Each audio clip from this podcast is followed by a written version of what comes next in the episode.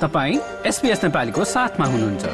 अरू रोचक सामग्रीहरूका लागि SBS dot com dot slash Nepali जानुहोस्। श्रोतावृन्द अस्ट्रेलियामा पछिल्ला केही महिनामा कोविड उन्नाइस संक्रमण र मृत्यु दर बढ़दो क्रममा छ। महामारीको पहिलो र दोस्रो वर्षको तुलनामा प्रतिबन्धहरू भने कम छन्।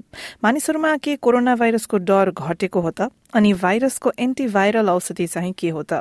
यिनै विषयमा हामीले post doctoral scientist doctor Homnath ढुङ्गानासँग कुराकानी गरेका छौं।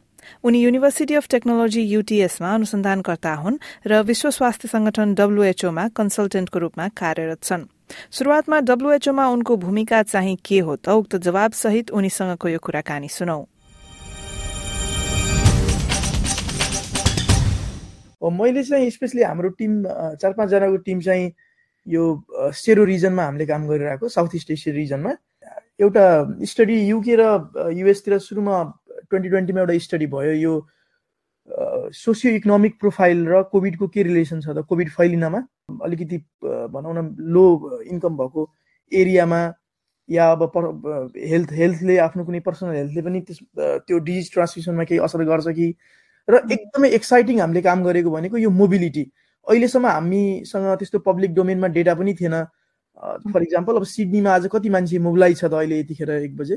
त्यो स्पेसली यो मोबाइलको डेटाहरू एप्पलले र भनौँ न एप्पलले स्पेसली अझै। एप्पलले पब्लिक डोमेनमा मोबिलिटी डेटा चाहिँ हामीले जस्तो मोबाइल फोनहरू बोकेर हिँड्छौँ नि त्यसबाट चाहिँ उनीहरूले त्यो डेटा चाहिँ पब्लिक गरिदियो ट्वेन्टी ट्वेन्टीदेखि। त्यो मोबिलिटी डेटा अब आजको दिनमा प्रत्येक समयमा भनौँ एउटा पर्टिकुलर पोइन्ट अफ टाइममा कतिपय कति मान्छेहरू सेन्ट्रल स्टेसनमा छन् मेलबर्नको एयरपोर्टमा छन् भनेर त्यो त्यस्तो प्रकारको डेटाहरू आइसकेपछि चाहिँ हामीलाई धेरै इजी भयो यो कन्ट्रोल गर्न र हजुर अनि अब कोरोना भाइरसको फ्युचर चाहिँ के छ त? अब कहिले सकिन्छ? या त सकिँदै सकिँदैन कि कस्तो देखिएको छ? कि भन्न मिल्दैन कि कस्तो छ? होइन यो मैले आफूले मेरो इभन पर्सनल एक्सपिरियन्स अनुसार पनि यो हाम्रो एउटा काइन्ड अफ फ्लु नै भएरै बस्छ कि जस्तो लाग्छ लङ टर्मसम्म होइन? अब अहिले नियर फ्युचरमा केही महिना या केही वर्षमा चाहिँ कोभिड एकदमै कम्प्लिटली जाला भनेर भन्न सकिने अवस्था छैन। सर फ्लु नै हुन्छ जस्तो लाग्छ। जस्तो किनभने सिम्टम्स पनि मिल्छ होइन? भाइरसले गर्दा हुने बिमारीहरू यिनीहरू भाइरल डिजिजहरू हो त्यो भएको भएर अहिले एकदमै एन्ड नै भइहाल्छ भन्ने चाहिँ अवस्था छैन दिन्दाजी यो लङ टर्ममै रहन सक्छ यो बिमारी। एउटा पर्टिकुलर कुनै रिजनमा नदेखिने फेरि सिजनल हुने एकदम मोबिलिटी हुने बित्तिकै अब हाइली कन्टेजियस भएको भएर त्यो पनि अब इभन सम्भव छैन। एउटा कुनै कन्ट्रीलाई हामीले आइसोलेट गर्न पनि हाइपोथेटिकली सकि मात्रै सकिन्छ प्र्याक्टिकली सकिँदैन होइन? अनि एउटा कुनै सानो रिजन कुनै सानो कन्ट्री लाई हामीले एकदमै वर्ल्डकै कन्ट्याक्टबाट हटायौँ भने छुट्टै कुरा हो। अदरवाइज त यो फ्लु जस्तै एभ्री सिजनमा भइरहेको भएर यो नियर फ्युचरमा चाहिँ कोभिड सकिन्छ भन्न सकिँदैन।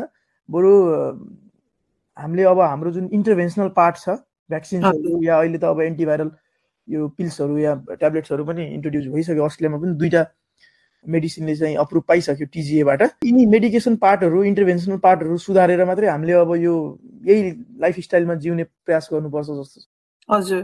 अनि त्यही अब एन्टिभाइरल पिलकै कुरा गर्दाखेरि चाहिँ कोभिड उन्नाइस भएका अब बिरामीहरूको उपचारको लागि एन्टिभाइरल पिलहरू प्रयोग गरिने कुरा छ होइन? अब त्योमा चाहिँ कस्तो छ कुरा तपाईँको विचार के छ? अहिले यो रिसेन्टली दुईटा पक्सलोभिड र एउटा लेग्रो भेरियर भन्ने दुईवटा चाहिँ मेडिसिन यिनीहरूले निकालेको छ।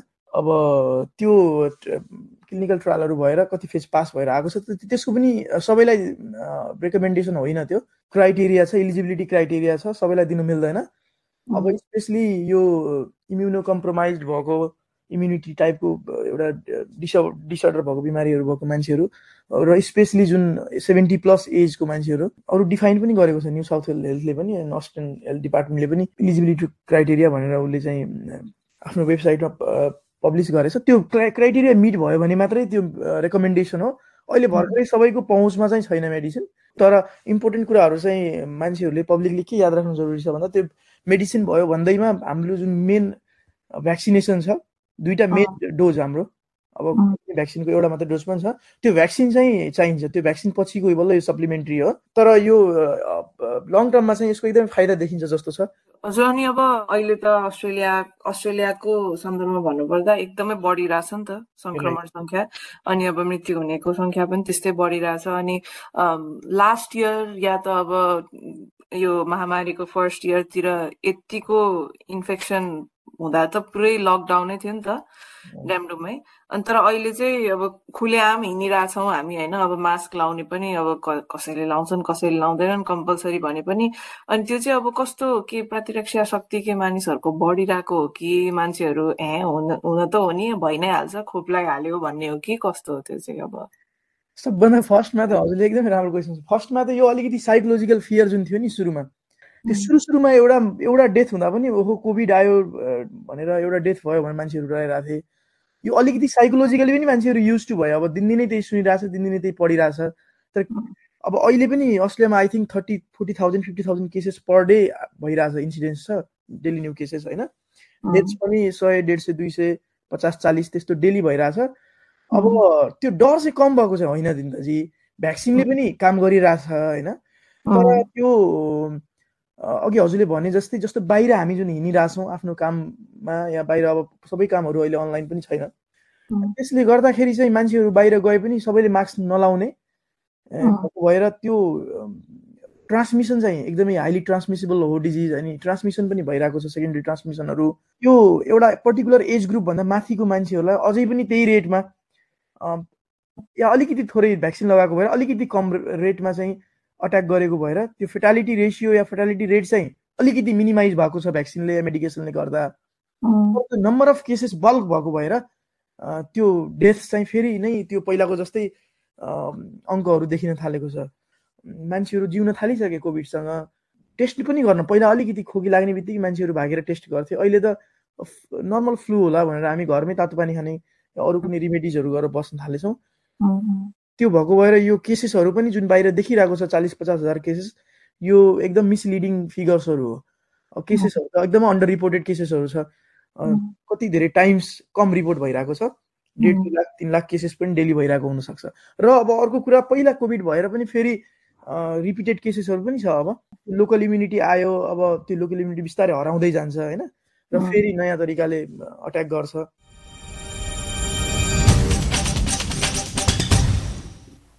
र श्रोताबिन ढुङ्गानासँगको यो कुराकानीलाई तपाईँहरूले हाम्रो website SPS dot com dot AU forward slash नेपालीमा गई सुन्न सक्नुहुन्छ र उहाँसँग गरेका सबै कुराकानीहरू सामान्य किसिमका रहेका छन्। आफ्नो व्यक्तिगत स्वास्थ्य सल्लाहको लागि चाहिँ जीपीकोमा जानु नै उचित हुन्छ। यो जस्तै अन्य प्रस्तुति सुन्न चाहनुहुन्छ? एप्पल पोडकास्ट गुगल पोडकास्ट स्पोटिफाईमा हामीलाई खोज्नुहोस् वा तपाईँले पोडकास्ट सुन्ने अन्य सेवामा।